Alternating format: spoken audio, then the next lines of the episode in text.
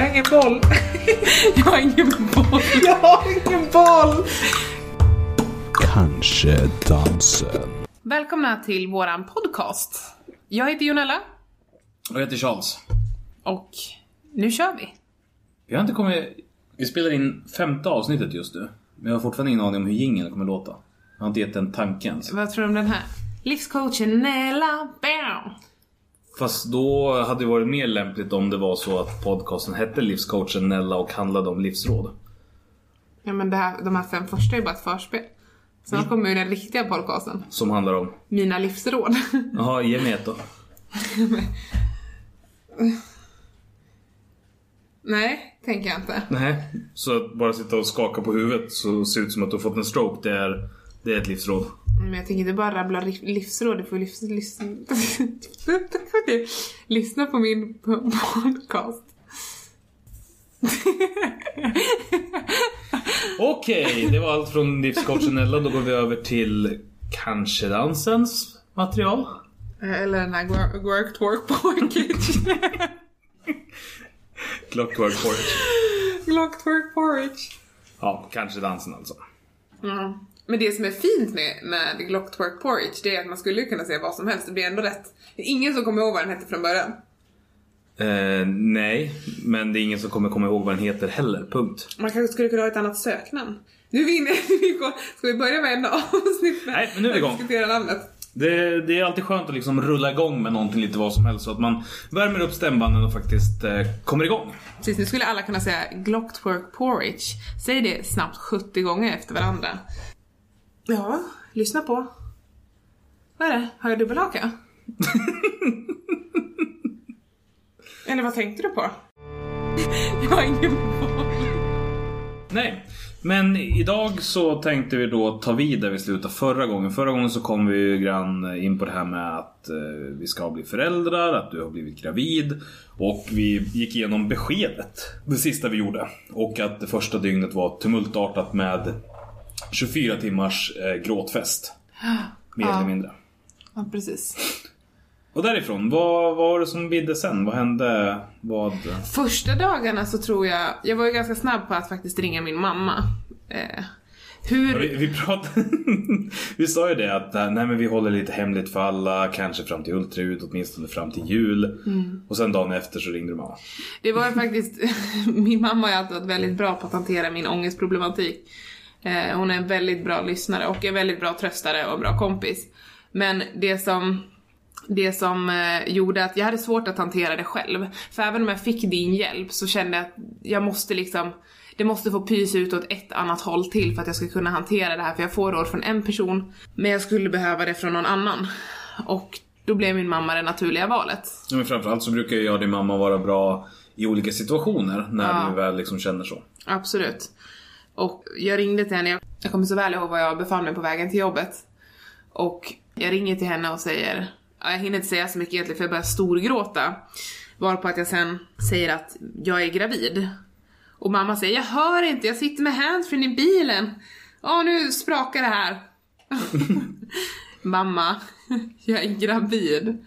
Hon bara, nej! Gud vad roligt! Och mina tårar bara forsade ännu mer alltså. Det gick liksom inte att stoppa. Jag grät hela vägen till jobbet på cykeln. Så direkt morgonen efter att vi så här kom överens om att nej, men vi håller det hemligt. Jag sket ju lite grann i, det var ju mest Ja. för din skull. Ja. Men vi landade ju ändå i och pratade om det och sa att det här ska vara hemligt. Mm. På tal om att hålla hemligheter då alltså. Ja, precis. ja, för att jag vill verkligen... Fast det, det var ju inte på något sätt liksom, jag kände mig inte, det var inte ett svek någonstans. Nej, eller? och hade jag känt att det var ett svek liksom gentemot dig så hade jag ju också eh, diskuterat det med dig först. Ja, Utan det- var ju mer så att jag kände att det här är någonting som belastar mig och någonting jag måste ventilera. Eh, och min mamma är förtroendegivande så därför pratar jag med henne för jag vet att det stannar där. Mm. Jo, men, men eh, nej, det fanns inte något sånt utan det var bara just det, det roliga i att så här, du, du, bara några timmar tidigare kände att nej men det här, jag har koll på läget, jag behöver inte. Så. Fast upp- Eller nej, det var inte så heller. Nej, jag upplever faktiskt inte att det var så, för det var 24 timmar i, i ganska kraftigt upplösningstillstånd. Ja. Och jag skulle liksom ta mig till jobbet och försöka hantera hela den här situationen. Och det, det blev liksom bara för mycket. Och Mm. Men jag kände hade- att jag har chansen att ringa till henne, nu är jag på väg dit, jag hinner göra någonting åt det innan. För att bli boostad, för att komma fram till jobbet. Men eh, Jag... jag... Du pratade med henne i alla fall då? Ja, precis. Och fick ju väldigt bra råd och så. Och så här, hon, förminskade verkligen. Det är en av de grejerna som jag tycker är jobbigast. Eh, när man pratar med människor som inte förstår eller förminskar eller försöker ta bort min känsla som...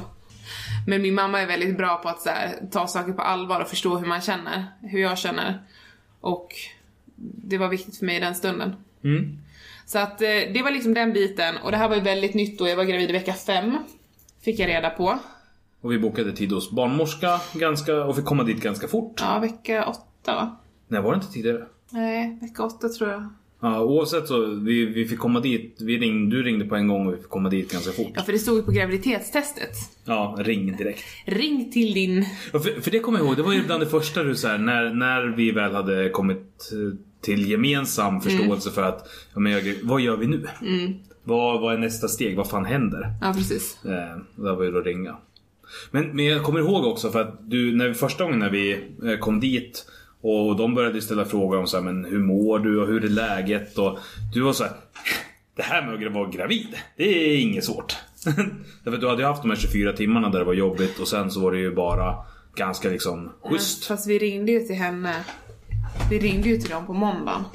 Mm. Och jag grät ju när jag pratade Ja, med henne. men när vi, var, när vi väl var på besöket. Ja, ja, du där. menar så. Ja, precis. Ja, nej men då var jag ju extremt så här.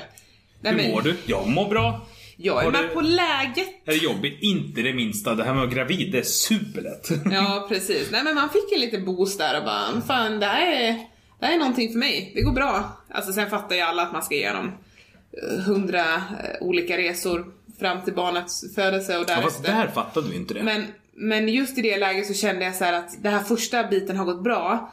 Det kommer kanske ticka på i ett ganska bra tempo, liksom det kommer fungera drägligt ändå. Och allting, jag hade verkligen inte ont, jag var inte täppt i näsan eller jag hade inte halsbränna eller ont eller alltså ingenting sånt, det fanns inte. Och när hon svar- frågade så svarade jag liksom.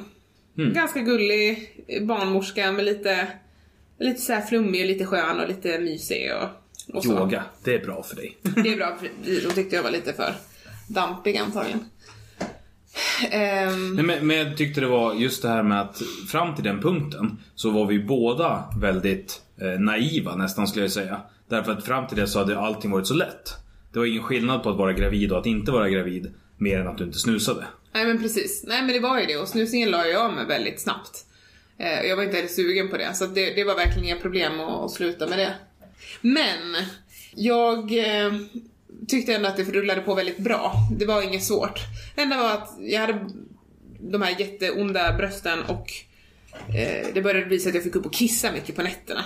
Men även de onda brösten gick ju över ändå. Ja, det började avta lite mer, eller snarare jag vän, vande mig Ja. vid det för jag kände så här att dels var jag ju trött på det någon dag och så bröt jag ihop och grät lite för att det gjorde så ont och det var så jobbigt. För att jag hade väl fått kissa två gånger på en natt eller någonting. Det var ju förfärligt. och sen så vänjer man sig. Alltså man, man förstår att det här är en del utav det. det. Det kommer vara så. Och då blir det mer acceptabelt än att bara ha ont utan anledning. Så att ehm, det flöt på bra. Sen åkte jag till Ullared. Ja, Du hade ju lite noja inför den resan. Ni skulle ju åka iväg ganska Ja. många och liksom Just för det här med kissen. Du, ja, men då hade du börjat bli trött också.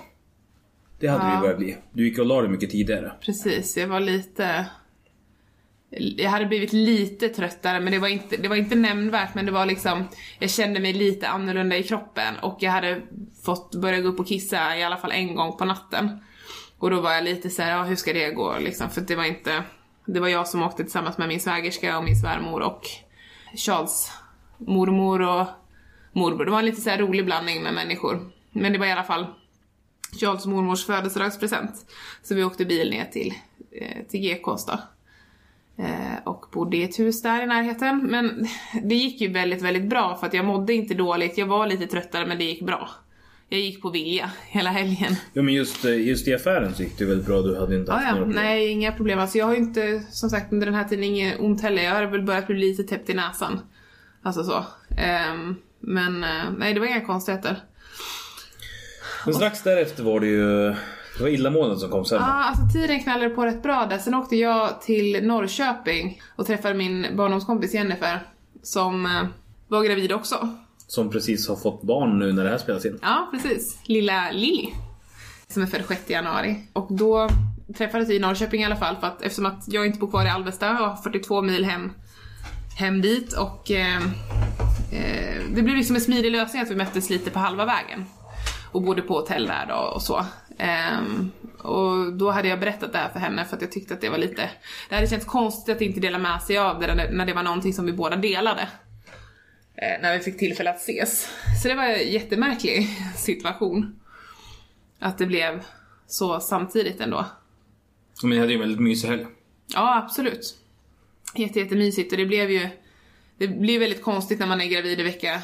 Det var väl vecka sju då tror jag. Eller sex. Ja, minns inte. Men det var i alla fall tidigt så att det blir inte så påtagligt.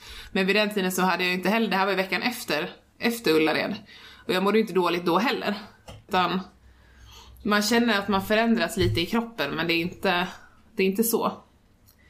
Sen kommer vecka åtta. och hela min... Det börjar faktiskt med att jag sitter och äter frukost hemma. Vecka åtta, då var vi inte hos barnmorskan vecka åtta. Var det, eller var det inte senare illamåendet kom? Nej. Ja, skitsamma. Men, men det här illamåendet kom ju i princip på en dag. Så det här kan liksom ha varit samma, samma vecka. Men jag mådde väldigt bra när jag var hos henne i alla fall. Nej, för jag sa ju till henne att jag var täppt i näsan. När jag var hos henne så sa jag faktiskt det. Just det. Kommer du ihåg det? Mm. Och hon liksom bara såhär, ja men det är normalt. För, Allt är ju, sa ju å andra sidan var normalt. Ja. Allting Jaha, så är det blåa liksom. prickar. Ja men det är normalt, du är gravid förstår du. Precis. Men så kom kära vecka åtta. Som en liten storm. Så satt jag åt min frukost och jag hann inte ens äta färdigt min macka innan jag måste gå och spy i vasken i köket.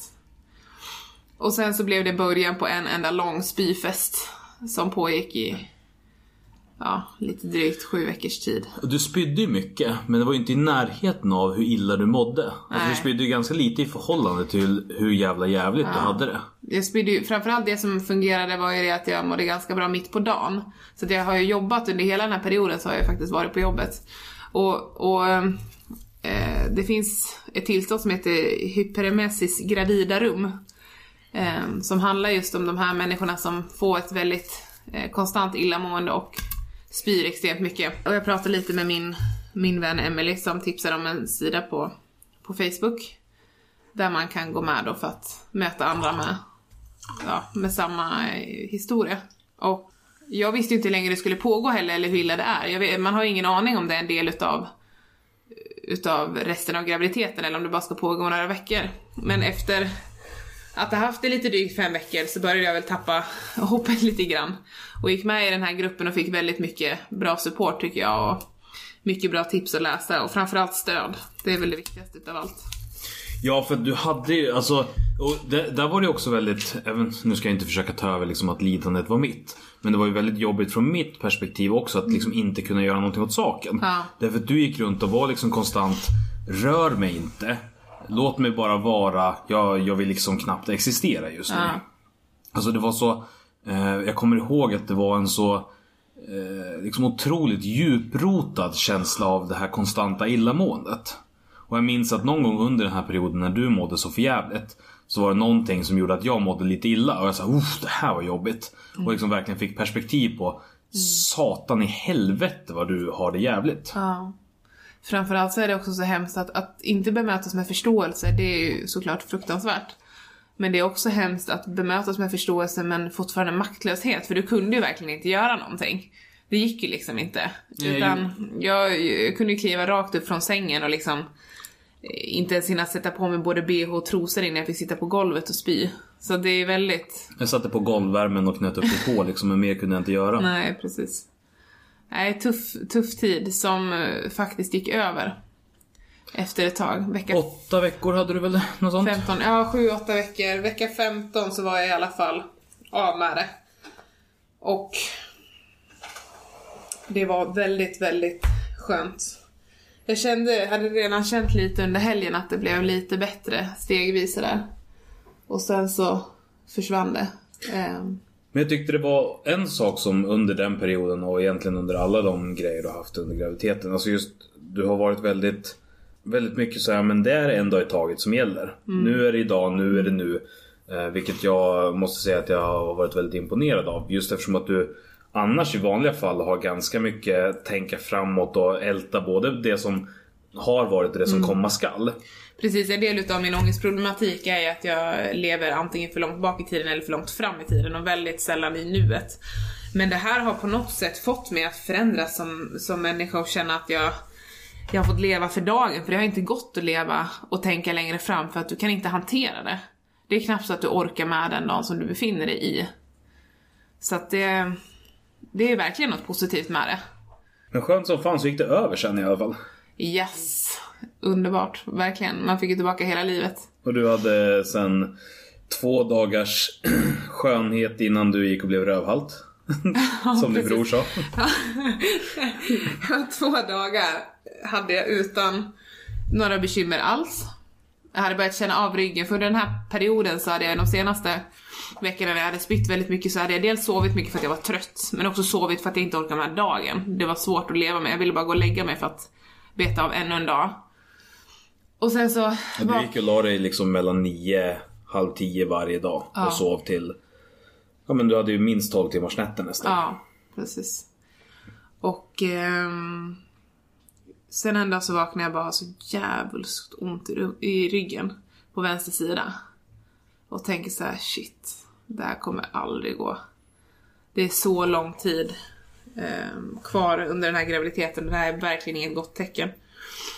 Så att jag börjar halta och det hugger bara till som en kniv ibland, som att någon kör in ett knivblad och bara roterar kniven i ryggslutet.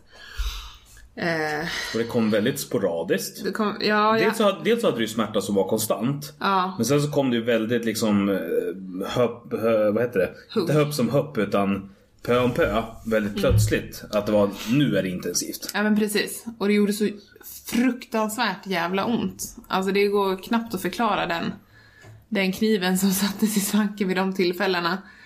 Um, men jag sökte i alla fall hjälp hos en sjukgymnast. För att det är det man kan göra i princip. Och hon konstaterade då att det är någon typ av fel på min disk, eh, den ena disken i ryggen.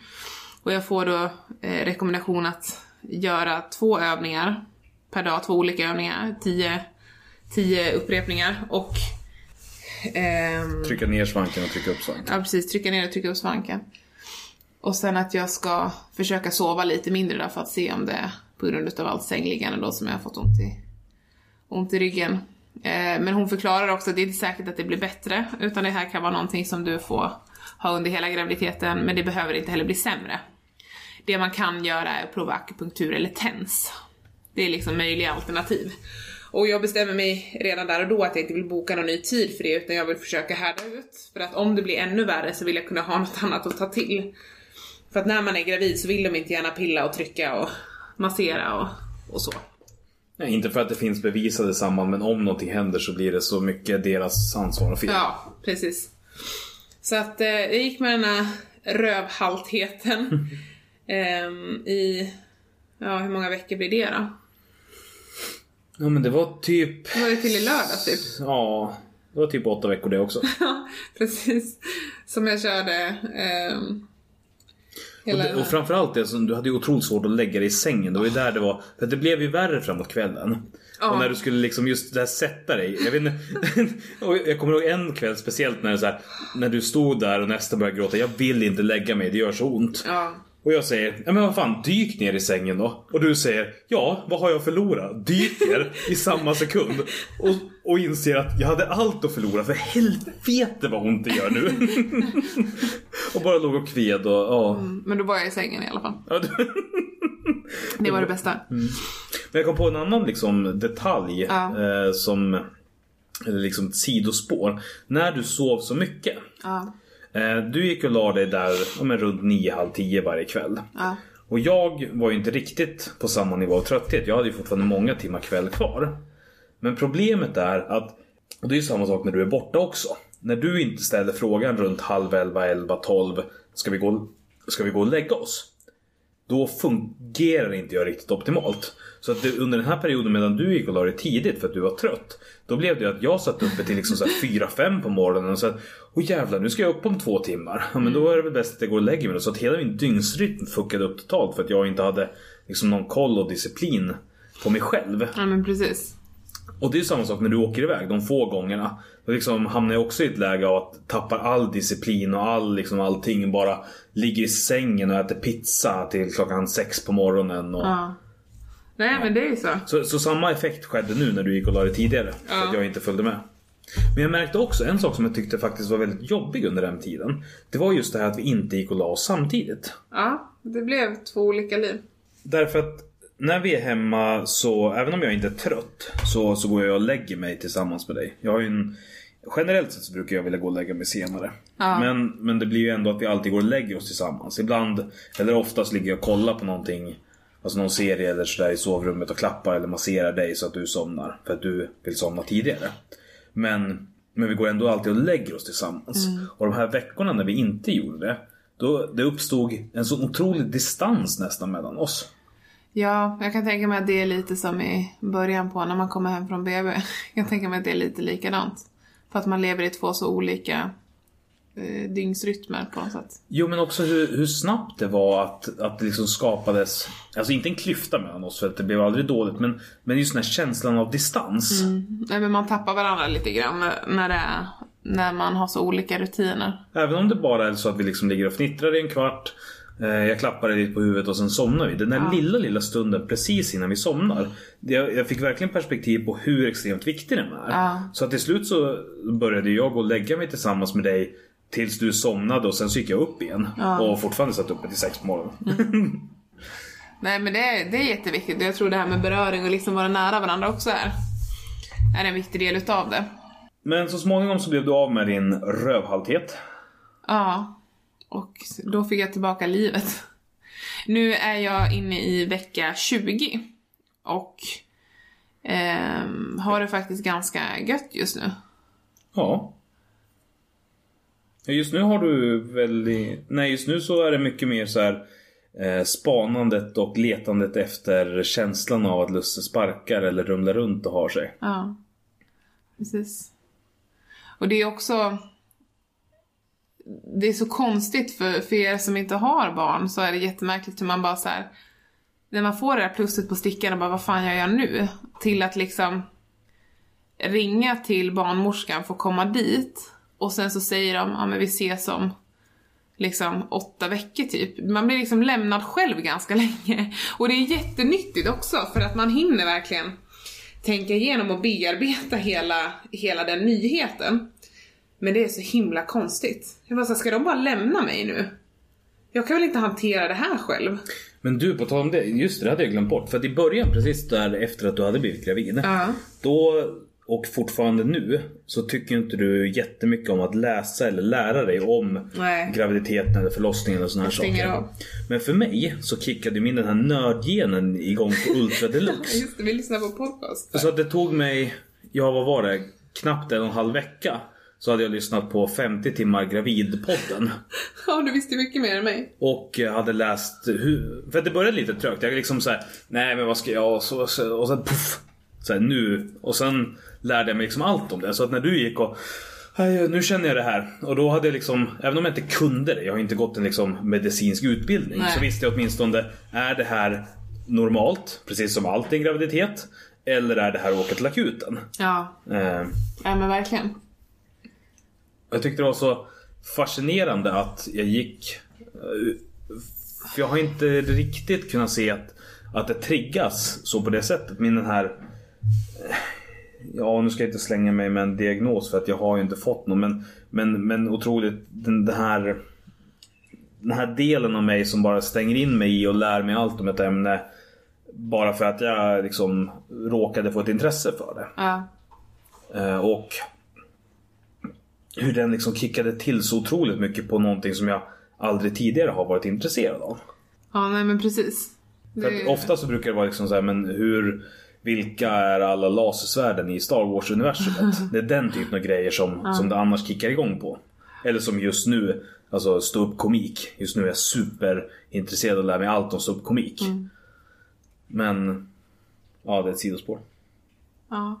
Men, men det har också varit mysigt när vi har suttit och läst, eh, eller jag har läst högt ur Vi fick en stor, eh, stor, stor Föräldrabok. föräldrabok av din mamma. Mm.